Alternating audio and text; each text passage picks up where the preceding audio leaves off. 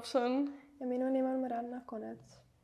aitäh Melting Hearts podcastile, et äh, täna meid siia kutsusite. ja, ja meie teemaks on siis, äh, mis meie teemaks on? meie teemaks on äh, pettekujutelmad eneseabis, aga mitte just nagu mingid spetsiifilised pettekujutelmad vaid äh, eneseabi kui pettekujutelm äh, turunduse eesmärgil äh, üleüldiselt.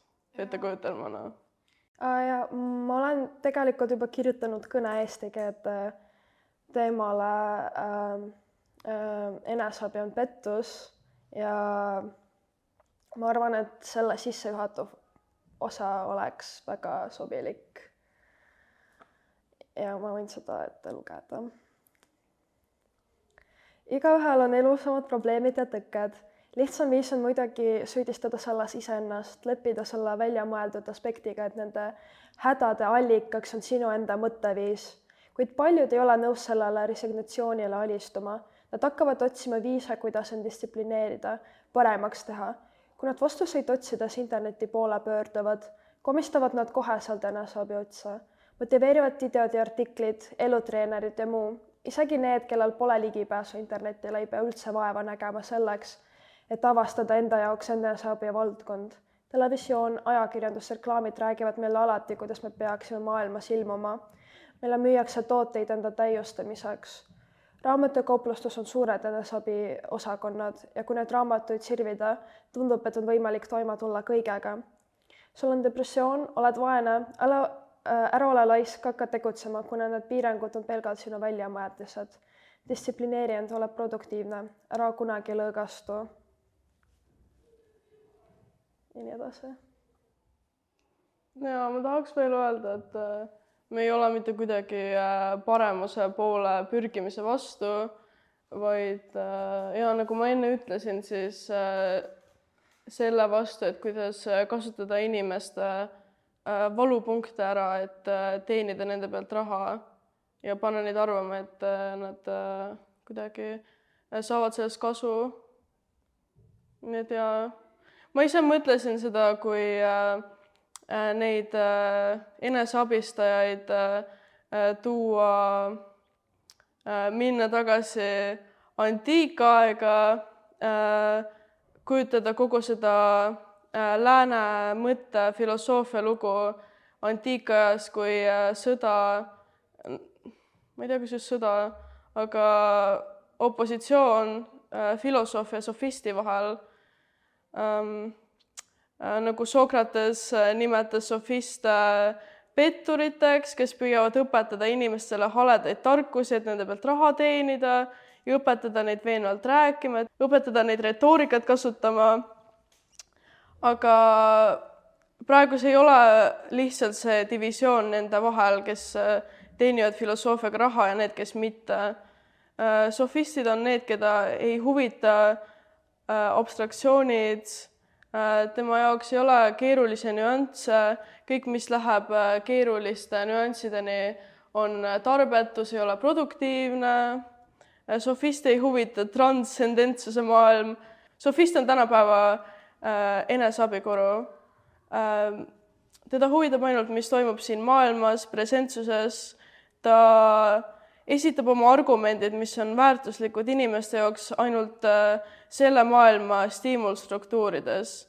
ta identifitseerib äh, inimeste valupunktid, kasutab neid ära, et pakkuda neile seejärel vastav õpetus, mis nagu Marianna ütles, et aitab neid nende arust nende elus ja see aitab neid äh, nende arust äh, muuta paremaks ärimeheks, paremaks kõnelejaks, äh, isegi saada aimu enda süvapsühholoogiast.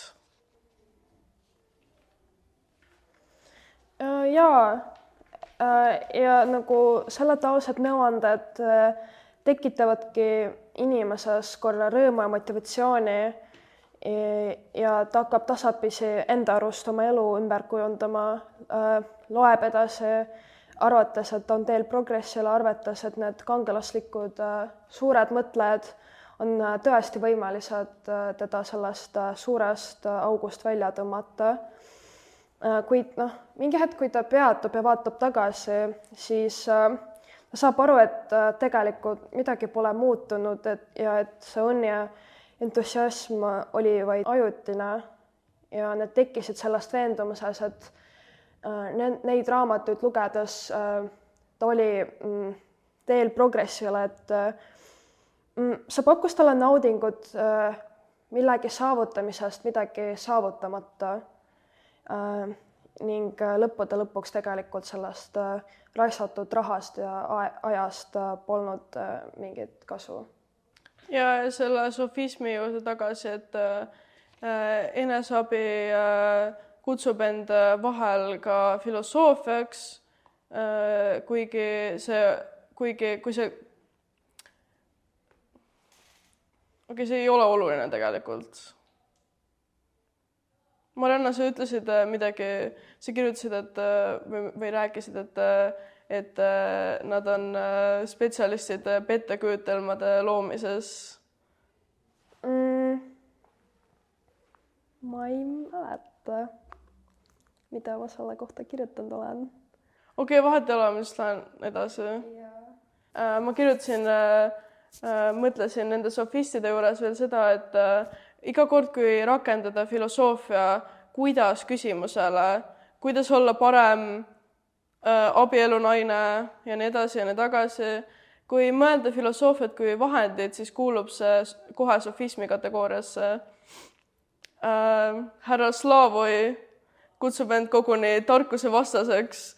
ta vaidlustab, et sofistliku tarkuse mõte ja eesmärk on tuvastada tarbija valupunkte, nagu ma enne ütlesin. ei ole minu idee, et äh, neid meelitada millegagi, mis näis, näib olevat teostatav ja mis äh, seejärel on fundamentaalselt ideoloogiliselt kahtlustatav. sofistid või tänapäeva maailmas äh, self-help gurud, kui soovite väidavad, et need filosoofid pole meie jaoks midagi teinud. Nad on tarbetult abstraktsed ja nürid. nüüd meil on see äh, reaktsiooniline raamistik, filosoofid pole meile midagi teinud, esitatud sofistide poolt küsimustega nagu ähm, mille jaoks on meile filosoofe vaja peale selle, et nad on meid meie tõelisest väärtusest kõrvale meelitanud, ise samal ajal taandades filosoofide ideed universaalseteks kaotades seeläbi nende algse mõtte ja äh, targana näivate ütluste taga pole mitte midagi, need lihtsalt kinnitavad eksisteerivat. see annab kõigest äh, illusiooni, et äh, inimene on võtnud ohjad enda saatuse üle. Siin on väga palju kordumist olnud, aga ma arvan, et see on, võib-olla kinnitab siis rohkem äkki ja, ja, ja ma leidsin tegelikult äh, selle lõigu, mida ma olen kirjutanud selle kohta, kuna mul läks nagu täiesti meelest ära. et need äh, äh, eneseabikuurud on justkui võlurid, kuna äh, nad tekitavad inimestes seda sõltuvust, isoleerides teda ja veendes, et ta varsti juba oma, jõuab oma ideaalse mina tee siht, sihtpunkti. ehk siis äh, no. ja et äh, mul on äh, ideaal minast, äh, äh, ka hiljem räägin, miks sellist asja ei ole olemas. ja et nad tegelikult jah, ja eneseabikuurad on kahtlemata spetsialistid pettekujutelmade loomises. Nende nõuandeid lugedes ja järgides tekib illusioon, et nende huvides on tõesti aidata inimesi toime tulla oma hädade ja probleemidega, kuid ähm, Mm, kuid tegelikult nende jaoks äh, iga järjekordne lugeja on äh, pelgalt äh, järjekordne turuallikas ja ei midagi muud. Ja nad annavad noortele inimestele nõuandeid, mis võivad tunduda kasulikuna ja millel võib olla produktiivne väärtus nende elus. et äh, filosoofid olevat, nagu ma enne ütlesin, sofistide ülekaalule inimeste igapäevaelude jaoks nüüdseks tarbetud ähm, see probleem, äh, kas see on probleem kõrghariduses, et äh, äh, professorid kui ka õpilased äh, peaksid endale selgitama, et miks, miks nad õpivad filosoofiat.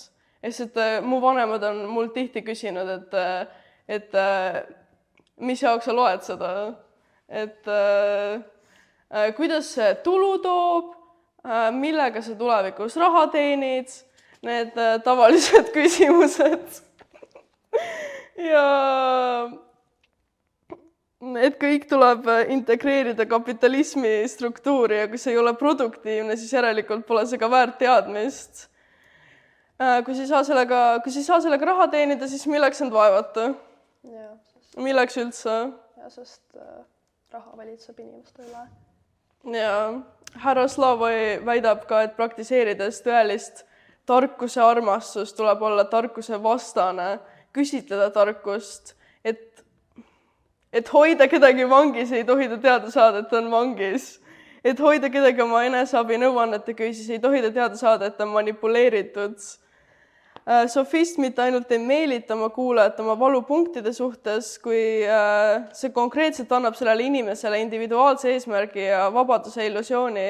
selline tunne võib olla koguni pastoraalne, ekstaatiline ja nagu Marianna ütles, sõltuvust tekitav kuid äh, jääb siiski sofismi konfigurats-, konfiguratsioonidesse.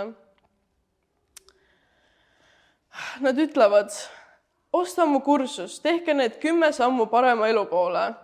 ja noh, sa võid küll äh, äh, see võib küll kellegi elu momentaalselt parandada, aga me oleme sellega võtnud filosoofia oma eesmärgist täiesti eemale ja leidnud puhtalt eesmärgipõhise tühja stiimulstruktuuri. nagu filosoofias on teleoloogia ja ontoloogia. teleoloogia on puhtalt eesmärgipõhine ja ontoloogia on siis see nii-öelda sofistide jaoks äh, äh, see abstraktsioonidesse ulatuv ähm, mitteproduktiivne nende arust, mis ei ole tõsi hiljem räägin, miks. Ähm, kui äh, filosoofia, see ontoloogiline osa püüab mõtestada praegust hetke seespoolt, püüdes ekstrapoleerida igivanu küsimusi uute sõnastuste kaudu ja küsida, mida üldse tähendab olla inimene äh, ja nii edasi. selle kohta, millised küsimused praeguses hetkes võiks olla, et filosoofia eeldus pole seega mitte püüda mõelda, kuidas ma võimalikult kiiresti edasi pääsen, vaid seada kahtluse alla mehhanism, mille abil elu esitatakse. Ja seepärast peaksime juba tarkusesse kahtlustavalt suhtuma, sest see, mis esitleb end kui ülim tõde, on juba omamoodi eksikujutelm, omamoodi naiivne allumine orjalikule osalemise süsteemis, mida seetõttu kunagi ümber ei kujutleta või ümber ei kujutata tõelise tarkuse poole püüdlemine filosoofide järgi on just see kriitika selle kohta, mis tänapäeval näib selle ülima tarkusena ja kui sellele mõelda, siis sofistlik tarkus loob ju head sisu, see toob tulu. internet on täis aforisme tühisusi, väikseid lõike Facebookis, millest saab äh, pseudofilosoofia, millest saab eneseabi äh,. igatahes ideede juurde, mis äh, Marxil oli et revolutsioon on klassiteadvus, saame aru, et äh, eneseteadvus ei ole eneseteadlikkus selles, kuidas kiiremini edasi saada, kuid eneseteadlikkus, kuidas süsteem on niidi otsas rippumas. ehk et äh, kui seda niiti pi-, pidevalt tugevdada, säilitada praegune riigikord ideoloogiliste mehhanismide kaudu, selle abil sa lepid selle süsteemiga. Ähm, taoline sofism, eneseabi ongi selle niidi ideoloogiline tugevdamine, et see, kui sa näid olevat tark ja aitamas sind läbi selle tarkuse, see, kes osaled niidi tugevdamises, tehes sellest kõva köie, mis sooni peal lõikab ja filosoofiaga tegelemine tähendab mehhanismide kahtluse alla seadmist selle akordi lahti harutamiseks.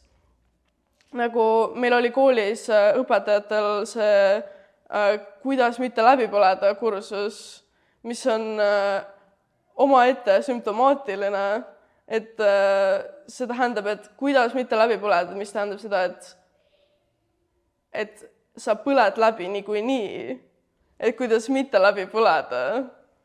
et äh, võib-olla äh, see on see, mida ma mõtlen kohutava korra leppimisega. kas ja ma arvan, et me peaksime küsima, kas vaimsete, nagu vaimse tervise probleemide levik ei ole äkki haige ühiskonna sümptom, mitte haige indiviidi oma. vaimne tervis on äh, tegelikult äh, mm, osa sellest, kuidas äh, meie praegune süsteem töötab. see paneb meid arvama, et vaimse tervise defektid oleksid nagu loomulik loodusnähtus, nagu näiteks ilm. aga jällegi, ilm pole isegi niivõrd loomulik fakt, kuivõrd poliitmajanduslik efekt meie lemmikud radikaalsed teoristid nagu Foucault, Deleuze ja Guattari ühinesid mingi, ma ei tea, tuhat üheksasada kuuskümmend aastast juba äh, äärmuslike vaimsete seisundite uurimisel nagu skisofreenia, väites näiteks, et äh, hullus ei olnud loomulik seisund, vaid äh, poliitiline kategooria. kuidas on, kuidas on muutunud vastuvõetavaks, et nii paljud inimesed, eriti paljud noored, kes on haiged, meie eneseabikurud väidaks siinkohal, et su kannatus on su enda põhjustatud sina üksi vastutad oma läbikukkumiste osas, öeldes umbes midagi sellist nagu sa pead end välja rebima oma keskkonnas, sa oled seemepotis ja see pott on su keskkond ning see pott mõjutab su kasvutaset. Sa pead vabanema negatiivsetest mõjudest, hülgama oma pere ja sõbrad ja kõik, äh, mis sind tagasi hoiab, siis ka sina võid õitsema hakata, siis ka sina võid jõuda tippu, ükskõik äh, kust sa pärit oled ja siinkohal oleks väga sobilik tsiteerida üht intellektuaali äh,, Jordan Peterson, kelle eneseabiraamat Kaksteist elumängureeglit on bestselleriks saanud. tsiteerin.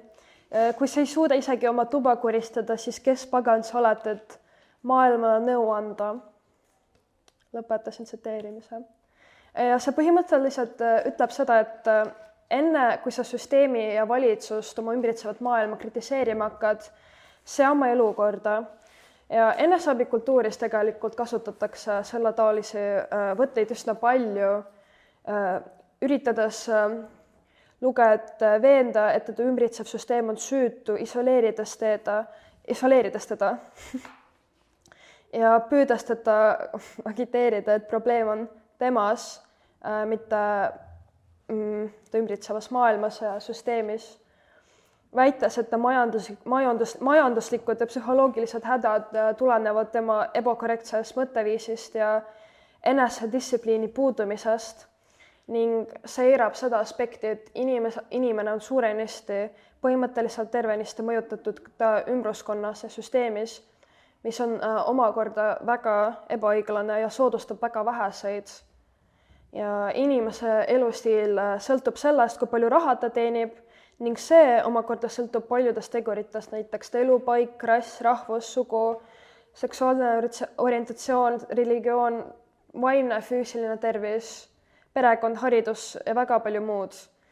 ja paljud inimesed meie ühiskonnas töötavad pikemaid tunde ja näevad endiselt vaeva, et lihtsalt ellu jääda, midagi lauale panna ja kas indiviidil, kes veedab suurema osa oma elust muretsedes oma pea kohal oleva katuse või hea tervise pärast, on aega, et startup ideedele mõelda? ja no muidugi neil on äh, väga palju erinevaid äh, teooriaid, nagu inimene on mõistetud hukka vaba olema, et äh, vaid tema vastutab oma saatuse eest, aga ma küll ei ütleks, et äh, asjaolud ja keskkond meid ei mõjuta, aga see eksiküütelm selle juures ongi see, et äh, ainult sa ise üksi võid olla edukas, et äh, ainult sa ise võid jõuda suurema eduni. usun, et see idee on fundamentaalselt vale, sest et me ei jõua mitte kunagi oma tõelise, tõelise potentsiaalini jutumärkides end täielikult isoleerides, vaid luues just väärtuslikke ja tähenduslikke suhteid teiste inimestega meie entrepreneur obsessed ühiskonnas propageeritakse, et äh, igaüks võiks olla Bill Gates või kes iganes muu väga edukas inimene. kuigi tegelikkuses selle õnnestumise tegelik tõenäosus on äh, peaaegu et võimatu. Heaolule, inimeste heaolule kõige mürgitavam ongi taoline süstemaatiline julgustamine ideele, et materiaalne jõukus on võti nende heaoluni idee sisendamine, et ainult jõukad on võitjad ja juurdepääs tippu on kõigil avatud, kes piisavalt vaeva näevad. ja kui sul ei õnnestu saada edukaks, võid süüdistada selles vaid iseennast. see kehtib ka vaimse tervise kui poliitilise nähtuse käsitlemisel, selle asemel, et mõelda, et kõik vastutavad oma vaimse tervise eest, ehk siis igaüks eraldi, et me kõik peame andma oma panuse, oleks õige mõelda, et mitte keegi ei ole süüdi, selles ongi probleem. Äh, sa ei tea, kelle poole pöörduda, ei tea, keda süüdistada, nagu raamatus Kafka protsess. Ma ei ole seda lugenud, ma lihtsalt tean, et äh, seal on see bürokraatia. keegi ei võitle süsteemi vastu kollektiivselt, vaid loetlevad individuaalseid praktikaid, millega soovitatakse, soovitakse planeeti päästa. ikka need prügi sorteerimine, veganlus, kiire moe vältimine, tarbimise vähendamine ja vaimsest tervisest rääkides vaimse tervise praktikad äh, läbi eneseabi ähm,. mitte, et sellega oleks midagi valesti, aga noh, me ju ikka kritiseerime, aga alternatiivi ei paku nagu postmodernistid. igatahes praegune valitsev ontoloogia, riigikord eitab igasugust sotsiaalset võimalust, et seletada vaimuhaiguste suurenemist. me ju saame seda seletada düsreguleeritud ajukeemiaga.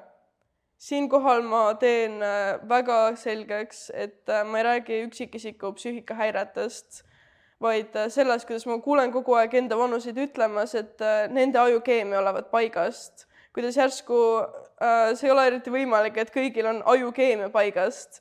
terve generatsioon ei saa potentsiaalselt olla sündinud pärilike psüühikahäiretega. aga miks me oleme aktsepteerinud või äh, pandud aktsepteerima keemilis-bioloogilise seletusega, kui kurdetakse psüühikahäirete üle? keemilis-bioloogiline seletus, sellel on tohutu kasum kapitalismile. esiteks tugev, tugevdab see püüdlust individualiseerimisele ehk et see süüdistab indiviidi. olete haiged oma ajukeemia tõttu olete haiged, sest et äh, te ei ürita piisavalt palju. teiseks pakub see tohutult tulu äh, rahvusvahelis-, rahvusvahelistele ravimifirmadele, saame teid aidata oma antidepressantidega. Näiteks see, et depressioon koosneb madalast serotoniini tase, tasanditest, millele me siin peaksime keskenduma, on see, miks inimestel on madal serotoniini tase. see nõuab sotsiaalset ja poliitilist selgitust aga Deleuze ja Guattari on selle meie eest teinud. skisofreenia olevat haigusseisund, mis tuleneb kapitalismi sisemisest olemusest. see tähistab kapitalismi välisservi. Siis on ka bipolaarne häire, vaimne haigus, mis on kapitalismi sisemuse jaoks omane seega lakkamatute tõusude ja languste tsüklite tõttu on kapitalism ise põhimõtteliselt taandamatult bipolaarne, lonkides perioodiliselt hüppelise maania ja depressiivse languse vahel kapitalism nii toitub kui ka toodab seda, toitub sellest, kui ka toodab seda. Neid kõikuvaid meeleolusid, mis ei ole omased, omased ühelegi teisele süsteemile, ilma ekstaasi ja enesekindluseta kapital ei saaks potentsiaalselt toimuda. veel meeldib eneseabi kuludele õpetada inimestele, kuidas jõuda oma täieliku potentsiaalini, kuidas olla sina ise, kuidas olla autentne sina. pettekujutelm, et on olemas mingi autentne sina sina ise. vale, vale, vale. ei ole, ei ole olemas tõelist autentset sina iset. ma ei suuda seda öelda. Lakaani psühhoanalüüsi. Üks tsentraalseid ideid, et inimesed kannavad maski iga päev, kusjuures kannavad nad mitmeid maske erinevate inimeste ees, kannavad maski koolis, kannavad maski oma perekonna ees, kannavad maski öö, oma sõprade ees, inimesed maskeerivad kogu aeg nii otseses mõttes kui ka figuratiivses. Lacani idee ei seisne selles, et päris mina peitub nende maskide all. Mm, -mm. Vaid selles, et sina oled sinu enda mask. mitme näivuse kihi all, mida sa projitseerid väljaspoole, peitub veel üks näivuse kiht, milleks on autentsuse idee, mille sa projitseerid iseenda poole, mis tavaliselt on idee autentsusest sinu ideaalminast. tavaliselt see mina, millele me arvame, et me ei suuda, äh, me ei suuda sellele vastata, vaevalt, äh, vaevalt on keegi öelnud, et ta et ta on autentne või et ta oleks kunagi ära kasutanud, kasutanud oma potentsiaali või vastupidi. ja me näeme siinkohal väga hästi, kuidas äh, seda võib kasutada äh, ära eneseabis, äh, panna inimesi mõtlema, et neil on mingi autentne mina või nende tõeline potentsiaal. autentsus ju kummitab kõiki, kuidas me end väljendame, oli see ikka autentne, kuidas teised seda interpreteerivad, kas ma ikka ütlesin seda, mis vastab mu enda uskumustele autentsus kummitab meid nagu meie tume vari. autentsuse idee on samasugune illusioon nagu täiuslikkuse idee. kui sa arvad, et täiuslikkus asub ebatäiuslikkuse horisondi taga, siis sa võid kalduma arva, kalduda arvama, et autentsus asub väljaspool ebaaautentsuse horisonti. et kui sa oleksid käitunud autentselt, siis oleksid jõudnud olemise perfektsuseni. kui sa oleks sina ise sa oleks täiuslik, sa oleksid lõpuks täiuslik. härra Slavoj Žižek vaidlustab samuti, et autentsuse idee on suurim vale. ta väidab, et on isegi hea elada ühiskonnas, kus inimesed õpivad enda ebaautentset minat tunnistama. okei okay,, võib-olla see on liiga normatiivne, liiga mustvalge, võib-olla autentne ja ebaautentne ei ole binaarsed opositsioonid, vaid äh, spektrum. Äh, Žižek väidab et sa oled iseenda mask. kui kõik maskid, mis sa demonstreerid teistele, on pelgalt selleks, et veelgi rohkem tunda illusiooni, et nende maskide taga on tõeline autentne sina, siis see ongi ülim näivus. seda saaks illustreerida meie kuulsa koopa allegooriaga. natuke tüütu, aga see sobib siia hästi. Koopa allegooria, kes ei tea, on illusioonimaailm, mis on väljaspool koobast meil on siin äh, valguse ja tõemaailm, äh, metafüüsiline binaarsus, sellel, no meil on, äh, meil on varjude maailm ja meil on tõemaailm, mis on metafüüsiline binaarsus, sest see oletab, et väljaspool ko-, koobast on kõrgem või ideaalne seisund ja selleni jõudmiseks peaksid end välja, välja tõmbama illusioonidest. Kuidas me saame näivuse maailma orjadeks või nagu Matrixis, kus on simuleeritud maailm ja tõemaailm ma ei ole kunagi Matrixit lugenud, aga äh, ma tean, et seal on midagi sellist. aga selle ultimaatne illusioon ongi just see, mida Lacan nimetas fundamentaalseks fantaasiaks. umbes, et äh, mis siis, kui kõik on koopas ja kõik on veendunud, et just nemad on ärganud, avastanud selle ultimaatse tõe, et nad on woke. Aga mis siis, kui moodus, kuidas neid kinni hoitakse selles paralüüsis, on see, kui nad on äh, pandud olema veendunud, et nemad on need, kellel on tõde, et nad on need, kes on näinud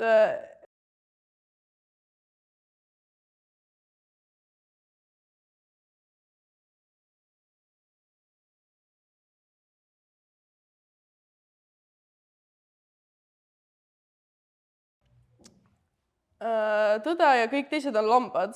kohe, kui keegi hakkab nii arvama, et kõik teised on lollid ja et ta on see tark, siis äh, tõenäoliselt on see märk sellest, et see on hoopis vastupidi.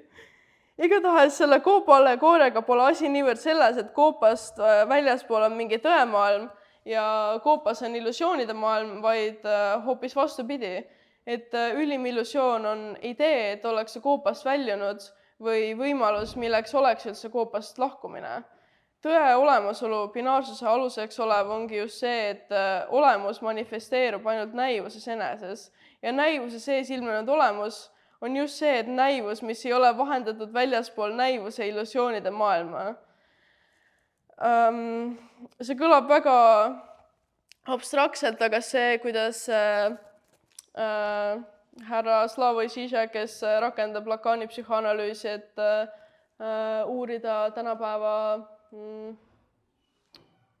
Süsteemi, ühiskonda, seletab sellega järgmise, järgmist argumenti, äh, mis oleks äh, palju universaalsemas äh, keeles, saaks öelda, et autentsuse idee ise on ebaautentne ja vastupidi, et autentsus saaks saavutada oma ebaaautentsust tunnistades või omaks võttes. fundamentaalne fantaasia on pelgalt idee, et nende maskide all, mida kantakse, on inimese tõeline autentne mina, nagu ma enne ütlesin.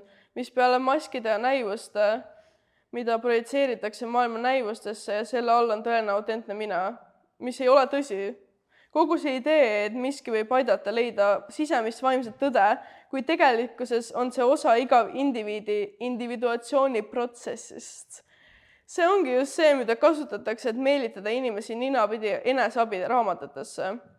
nagu marksistid ütleks, kui keegi üritab sulle midagi müüa, idee, mis oli juba Schopenhaueril, kui tahad kellelegi midagi müüa, siis sa ei müü talle seda toodet, vaid müüd neile neid endeid. sa müüd neile idee neist, idee sellest, mis nad võiksid olla pärast selle ostmist. näiteks äh, kui ma ütleks, et äh, ma tahan äh, müüa sulle maja, ma ei ütle mitte, et ma ei ütle, et siin on see maja, mille sa saaksid osta, vaid ma ütlen seda, kui siin on see inimene, kes sa saaksid olla, kui sa elaksid selles majas et äh, see ei ole lihtsalt investeering äh, objekti, see on investeering sinusse, klassikaline turundusstrateegia.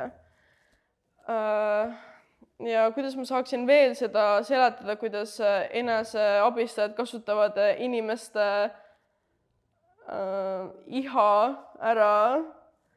Lacanil on iha objekt ja iha põhjusobjekt. iha objekt võib olla see, et äh, ma tahan olla näiteks äh, hea kõnepidaja, aga iha põhjusobjekt on see, et ma tahan äh, mõelda, et on midagi, mida ma saaks teha paremini äh,. iha põhjusobjekt jääks alles ka pärast seda hea kõnepidaja oskuse saavutamisest. Iha põhjusobjekt kanduks üle millelegi muule.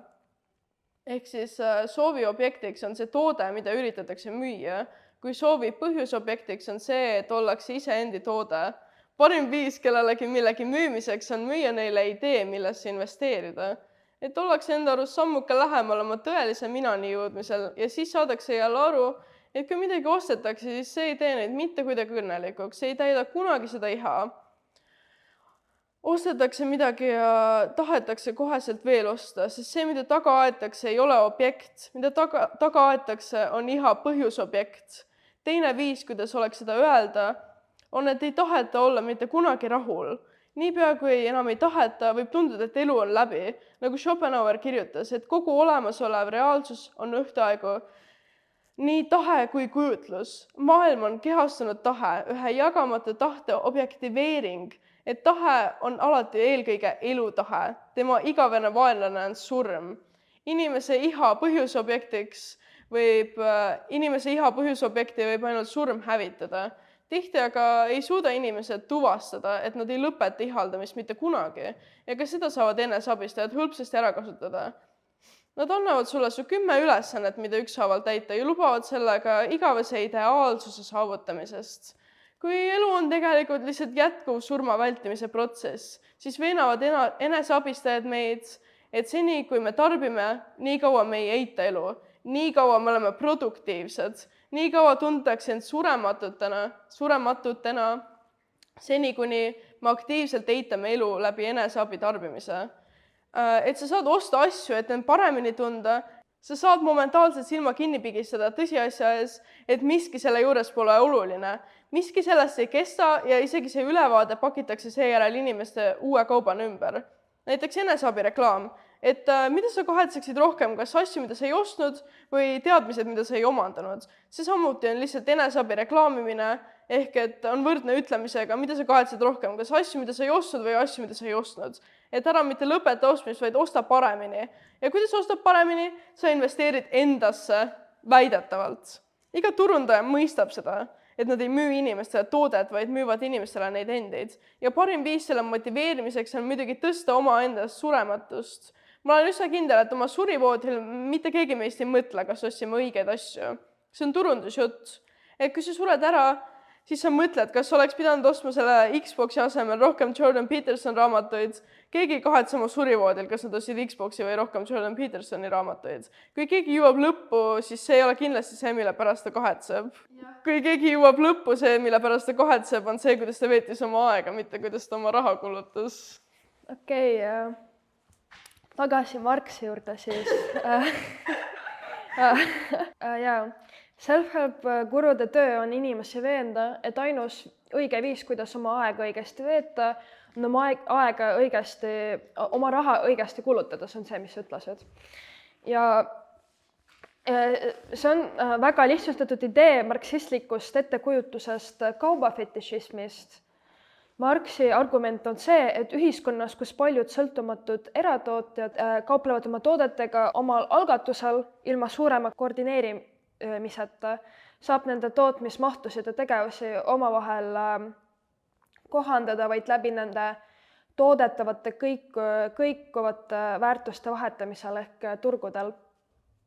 selle tulemusena ei pruugi inimestel olla üksteisega muid suhteid, välja arvatud nendevahelised tehingud selle protsessi ähm, tulemusena vahendavad ja väljendavad nende sotsiaalseid suhteid pidevalt sellised asjad nagu kaubad ja raha, mis ei ole ainult protsess, äh, mille käigus me projitseerime kaupadesse omamoodi tähtsuse või elujõu, mis annab juurde meie eksisteerimispõhjusele. et me hakkame endist äh, mõtlema kui kaubast, mille eluiga näib meile igavesena.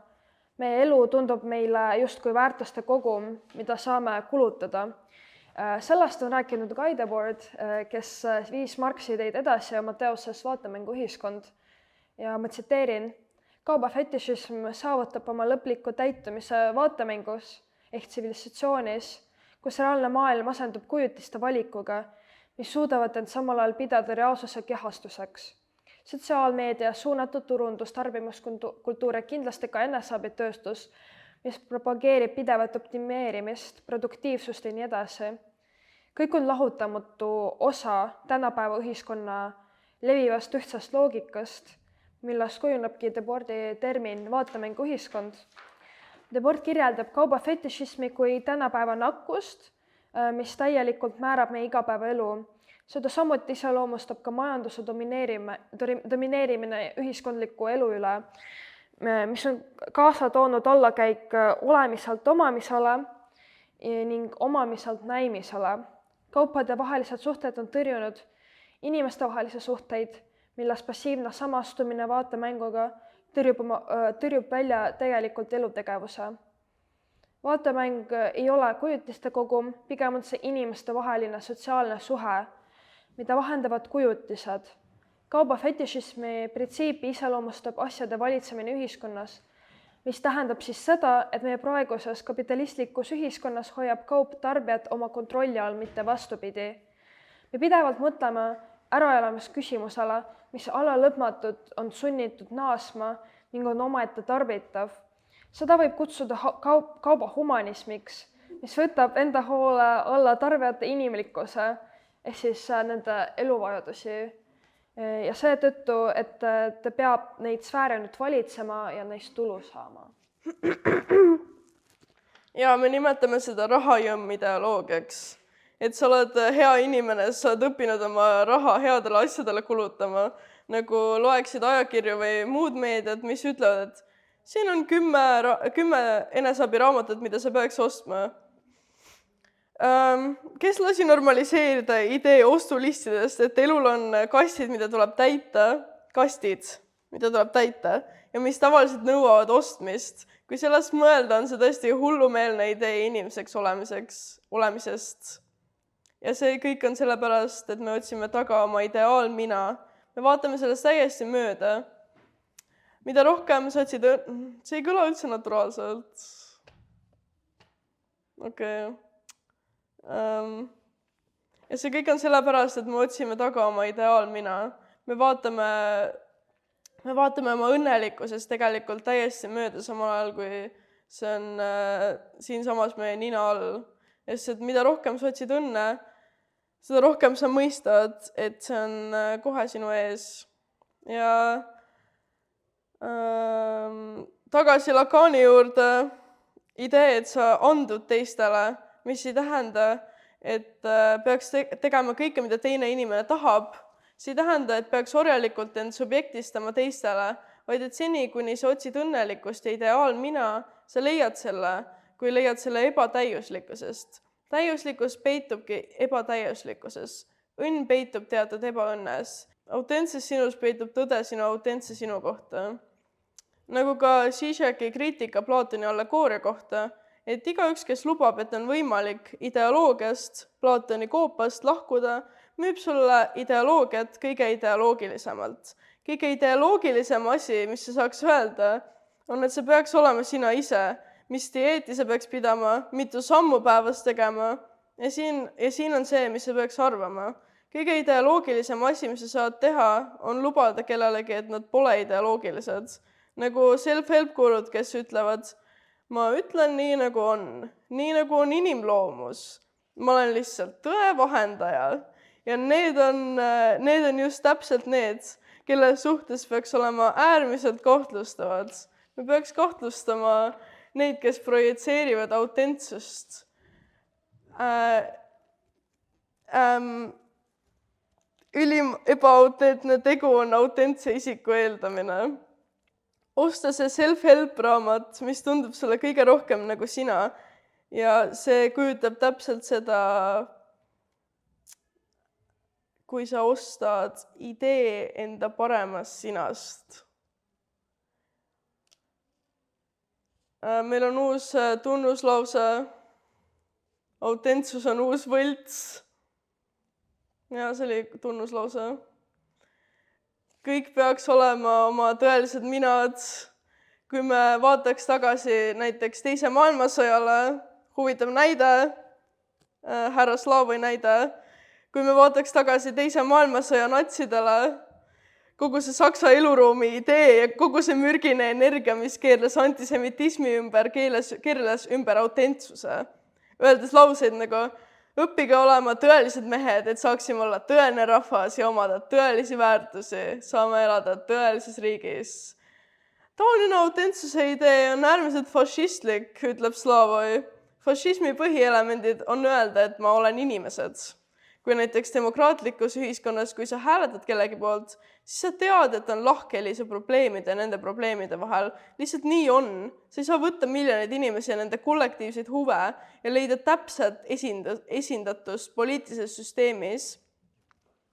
kuid just totalitaarsed liidrid on need, kes ütlevad, et nad on riigi tahtekehastus. ma olen inimesed, nagu eneseabistajad nimetavad end universaalse tõe vahendajateks Lacanil on selle kohta teooria, mida ta nimetab psühho-, psühhootiliseks väljasulgemiseks, lahkheli millegi konkreetse ja millegi universaalse vahel. psühhootiline väljasulgumine on see, kui sa ütled, et seda lõhet ei saa, et seda lõhet ei ole olemas. ma olen inimeste tahtekuju-, kujutus, tähendab, et ei ole lõhet tema ja inimeste, kõikide inimeste tahtekujutuses see on äh, lõhe konkreetse identiteedi ja inimeste kollektiivsete ideede vahel.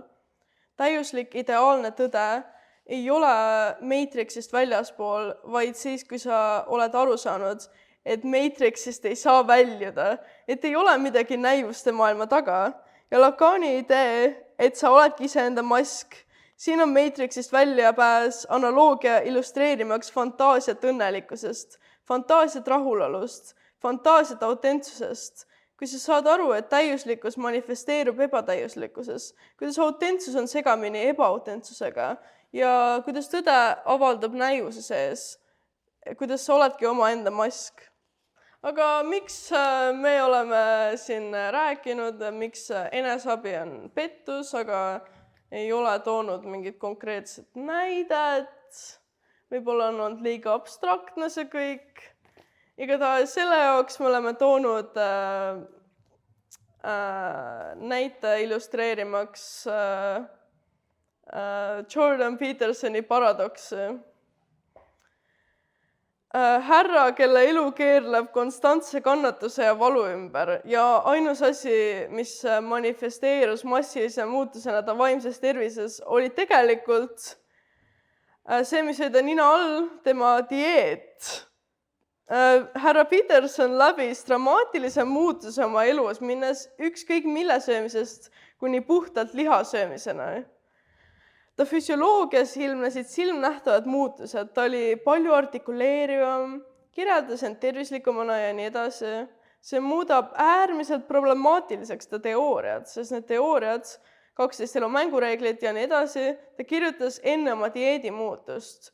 ta lõi tähenduse oma kannatusest tähenduse selle intellektualiseeritud pilve täis ideedest, mõtles, mõtles välja sofistikeeritud põhjus, põhjusele, põhjenduse oma kannatusele, kuid tegelikkuses oli see kõik ta dieedi taga kinni. kogu ta kirjutatu oli loodud haiguse seisundis ja miski sellest ei aidanud teda tema kannatusest välja.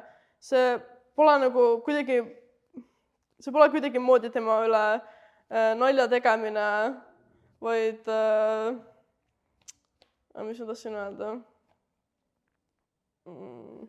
ma ei mäleta enam. isegi, isegi kui see andis tähenduseta kannatusele äh,, sellega ei ole mitte midagi valesti, aga see äh, õpetab meile, et lahendus ei pruugi olla mitte tema teooriates, intellektualiseeritud äh, kaugustes sfäärides, vaid siinsamas meie ees, meie endi füsioloogias loomulikult ta või ta mõtteviis võis palju kaasa aidata, kuid mitte seni, kuni ta oli oma dieeti täielikult muutnud. oma teooriate juures oleks äärmiselt oluline rõhutada muutusi füsioloogias neile õnnetuile, kes äh, loodavad saada samu tulemusi, mis äh, härra Peterson.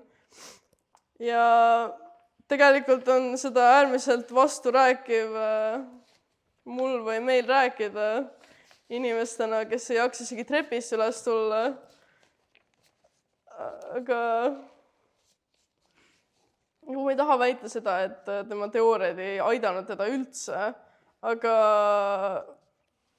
oma Jordan Petersoni faasis äh, jälgisin paljude tegemisi ja see oli ainus muutus, äh, mis juhtus ta elus, oli see, kui ta muutis oma söömist. Enes, eneseabitööstus on paradoksaalne Slopilsione väites, et parem tulevik on võimalik, kuid samas see teeb kõik, et süsteemi ümberkujundamist ära hoida. selle jaoks äh, iga, iga uus hädas olev inimene on pelgalt järjekordne turuallikas. eneseabitööstus on äh, suur pettus ja midagi muud. ja ma mõtlesin ka veel, kuidas seda, et äh, miks on filosoofia ühiskonna heidikutele ja eneseabi on äh alfaisastele, nagu nad ennast nimetavad kui filosoofia on miski, mis kritiseerib, kuidas äh,, kritiseerib tarkust äh, kui ideoloogilist äh, praeguse süsteemi säilitamise niiti äh,, on tarkus vastupanu poolel, on äh, kannatuse poolel, et äh, olla filosoof tänapäeval. okei okay,, võib-olla see ei ole vajalik